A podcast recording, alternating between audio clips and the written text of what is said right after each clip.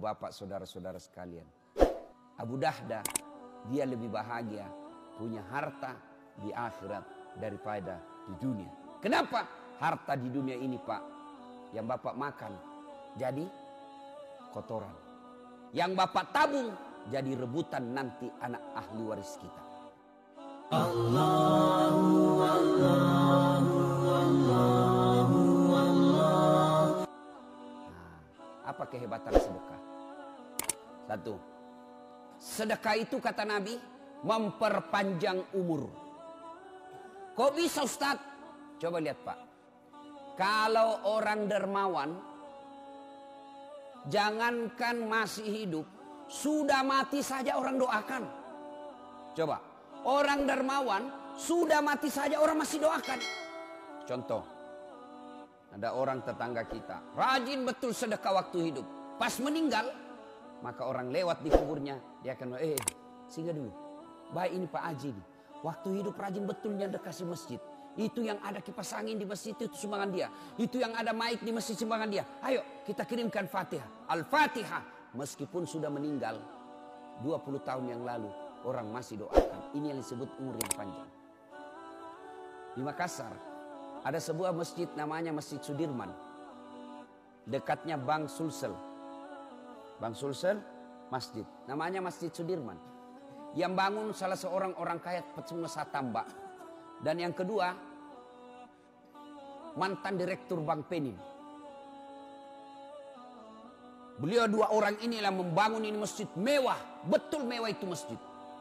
Karpetnya empuk, sound systemnya baik, AC-nya sejuk, bersih, interiornya cantik. Semua orang yang masuk, Masya Allah, Masya Allah.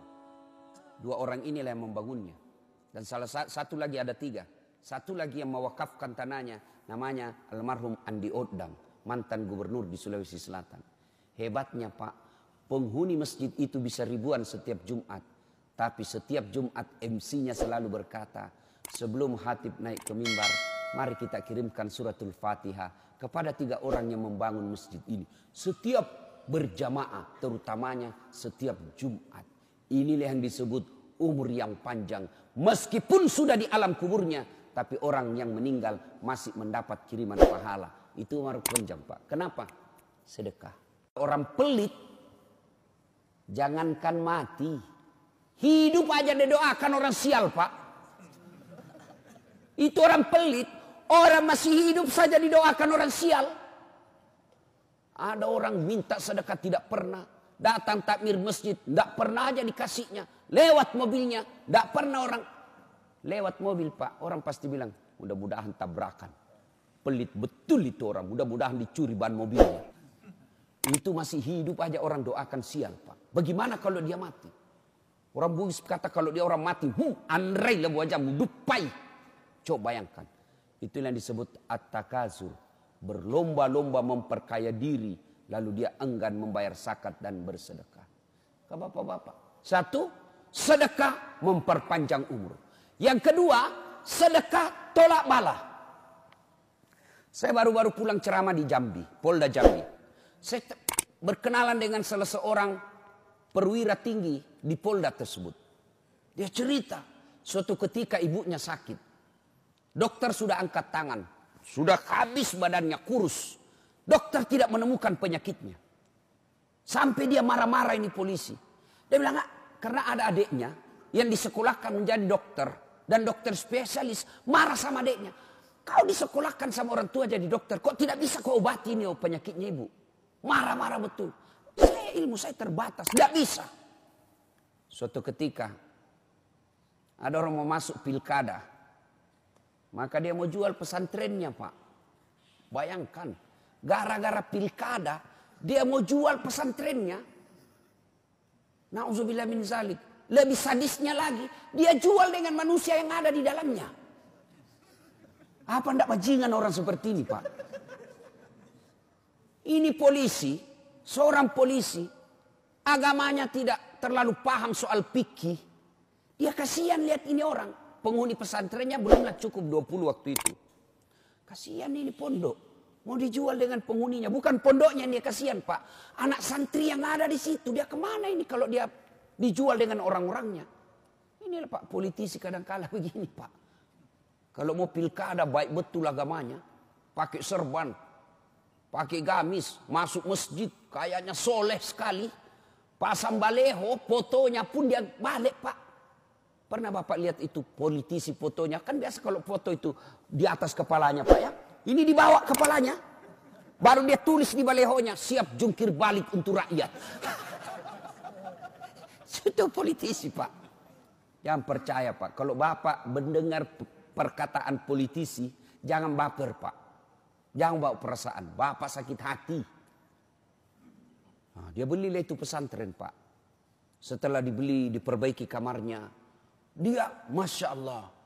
Setelah itu, dia bawa orang tuanya. Saya tidak usah sebut rumah sakitnya, tapi rumah sakit Kristen. Setelah diperiksa, Ditahu ini Pak, justru Kristen yang tahu penyakitnya. Eh, ah, ini penyakit gampang ini. Disembuhkan Pak, diberi dioperasi sekejap, sembuh dan sampai saat ini Pak, segar bugar itu ibunya. Dia bilang inilah akibat sedekah saya. Ustadz, saya beli itu pesantren. Tolak bala. Bayangkan. Yang tadinya semua dokter sudah angkat tangan. Dengan sedekah, tolak bala Pak. Itu Nabi sudah jelaskan. Jadi bapak-bapak di sini, kalau ada di sini prostat, asam urat, kolesterol, obati dengan sedekah. Ibu-ibu, ada suamimu mulai selalu berpikir poligami, tolak bala dengan sedekah.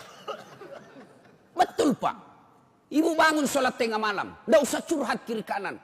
Kita lihat, ibu-ibu mau tahu ciri-cirinya suami selingkuh. Mau kawin lagi? Bu, mau tahu ciri-cirinya? Satu, handphonenya pakai password. Ah, mencurigakan sudah itu, Bu. Yang kedua, setiap terima WhatsApp, SMS, masuk kamar mandi. Ah, eh, curigalah kau. Pasti ada sesuatu yang tidak beres.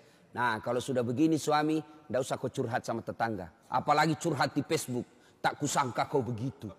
Romantis ketika kau masih muda. Semakin kau tua, semakin menjadi-jadi. Ah, tidak usah curhat seperti itu. Gimana caranya? Ibu bangun sholat hajat tengah malam. Ambil minimal dua rakaat. Syukur-syukur bisa sampai delapan rakaat. Selesai itu ibu berdoa.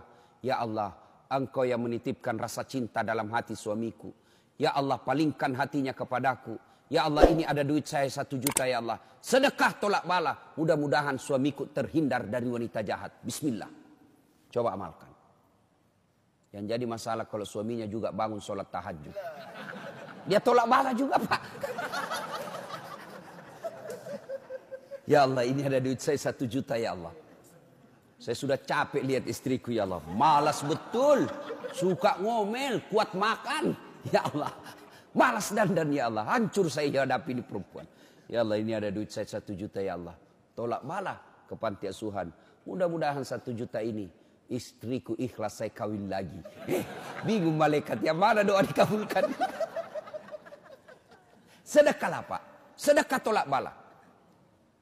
Dan yang kedua, keimaan sedekah. Sedekah itu, eh tadi satu, tolak bala. Kedua, memperpanjang umur. Yang ketiga, sedekah itu Allah ganti berkali-kali lipat. Ringkas kisah. Dibelilah ini pesantrennya. Sudah dibeli pesantren pak. Apa yang terjadi? Subhanallah dapat bantuan dari pemerintah Indonesia untuk membangun pesantrennya. Berapa bantuannya? 2 miliar. Makin berkembang pesantrennya itu pak. Luar biasa. Akhirnya hebatnya lagi. Yang keempat keutamaan sedekah membuat doa terkabul. Sambung lagi kisahnya nih Bapak polisi. Semenjak dia jadi polisi, tugasnya selalu di luar Jambi. Tidak pernah dapat SK Jambi. Ibunya berkata, nak, kau kembalilah tugas di kampungmu ini. Saya makin tua, saya mau senang lihat kau bertugas di kampungmu. Dengan izin Allah, doa ibu tersebut dikabulkan anaknya tugas kembali ke Jambi. Maka bapak-bapak, ibu-ibu, kalau mau doamu cepat dikabulkan, bersedekah. Dan demi Allah, tidak ada orang bangkrut gara-gara sedekah. Apa Bapak pernah ada di komplek ini? Ustaz, Itu yang di sudut rumahnya kaya betul dulu itu Ustaz. Cuma karena rajin sedekah bangkrut dia.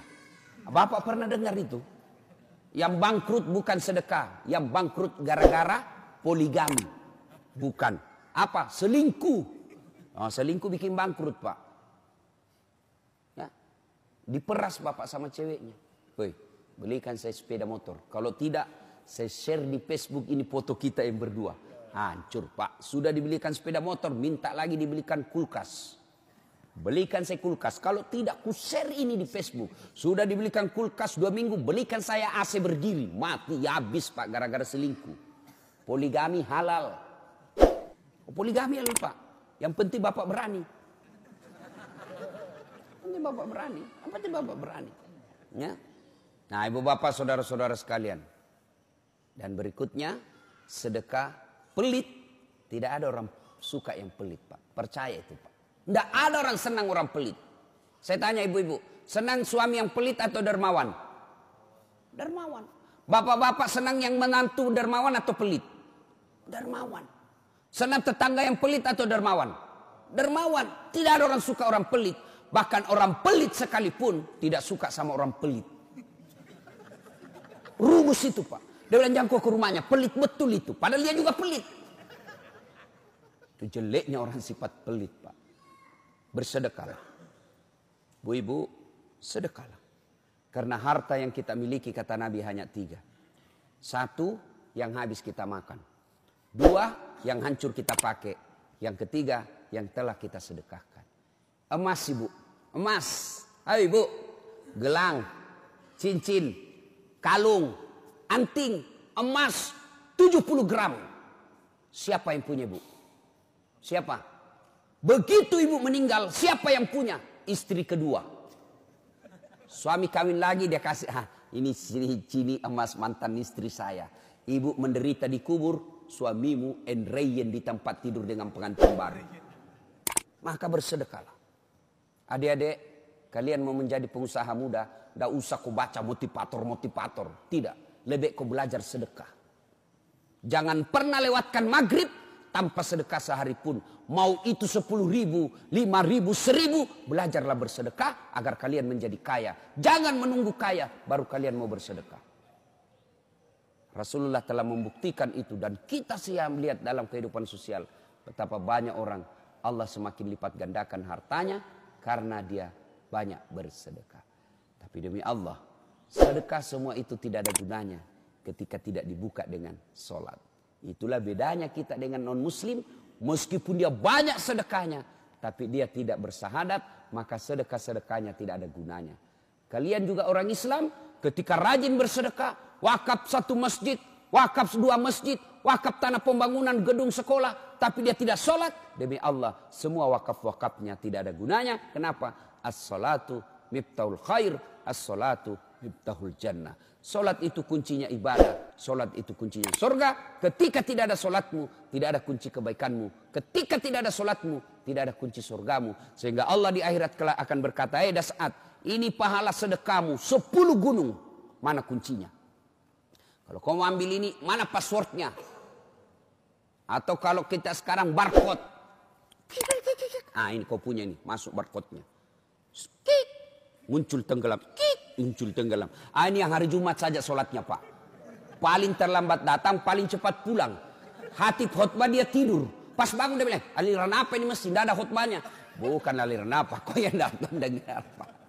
Nah ibu bapak saudara-saudara sekalian inilah tausiah kita. Mudah-mudahan ada manfaat karena saya ngejar penerbangan ke Pekanbaru. Saya lanjut ke Bandar Lampung sehingga cukup mudah-mudahan ada manfaat. Tidak ada gunanya ilmu yang kita pelore hari ini kalau sebentar kita tidak mau bersedekah. Mulailah sedekah dengan hari ini. Mulai pak, mulai ikhtiar hari ini. Satu hari jangan pernah lewatkan tanpa sedekah. Saya tidak bisa bersedekah dengan duit. Sedekahlah dengan senyum. Karena senyum adalah sedekah. Kalau kita miskin. Saya tidak punya pun dia bersedekah dengan senyum. Sedekahlah dengan apa? Doakan sesamamu muslim. Tidak bisa juga doakan. Sedekahlah dengan apa? Jangan mengganggu sesamamu manusia. Maka itu sedekahmu kepada dia dengan tidak mengganggunya. Sedekah apa namanya? Sedekah dengan akhlakul karimah. Demikian mudah-mudahan ada manfaat. Lebih dan kurangnya mohon dimaafkan. Nun wal kalam ya misturun. Billahi fi sabilil haq. Assalamualaikum warahmatullahi wabarakatuh.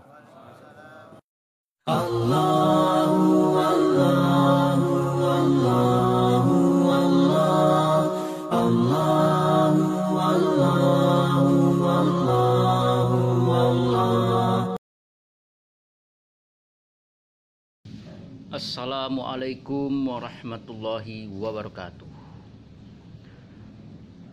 Berharap padi dalam lesung, yang ada cuma jerami.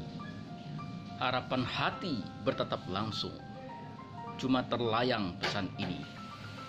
Sebelum cahaya surga padam, sebelum hidup berakhir, sebelum pintu taubat tertutup, kami segenap pengurus dan relawan keluarga besar ilmu pemerintahan Universitas Riau. Sebelum Ramadan datang, mengucapkan mohon maaf lahir dan batin. Selamat menyambut ibadah bulan suci Ramadan 1441 Hijriah.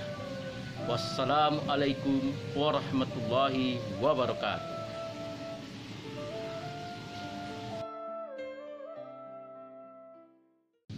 Assalamualaikum warahmatullahi wabarakatuh. Berharap padi dalam lesung, yang ada cuma jerami. Harapan hati bertatap langsung, cuma terlayang pesan ini. Sebelum cahaya surga padam, sebelum hidup berakhir, sebelum pintu taubat tertutup, kami segenap pengurus dan relawan keluarga besar ilmu pemerintahan Universitas Riau. Sebelum Ramadan datang, mengucapkan mohon maaf lahir dan batin. Selamat menyambut ibadah bulan suci Ramadan 1441 Hijriah. Wassalamualaikum warahmatullahi wabarakatuh.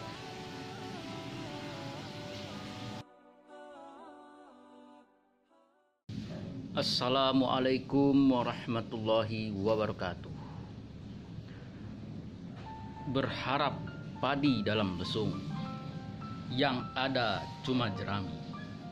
Harapan hati bertatap langsung, cuma terlayang pesan ini. Sebelum cahaya surga padam, sebelum hidup berakhir, sebelum pintu taubat tertutup, kami segenap pengurus dan relawan keluarga besar ilmu pemerintahan Universitas Riau. Sebelum Ramadan datang, mengucapkan mohon maaf lahir dan batin. Selamat menyambut ibadah bulan suci Ramadan 1441 Hijriah. Wassalamualaikum warahmatullahi wabarakatuh.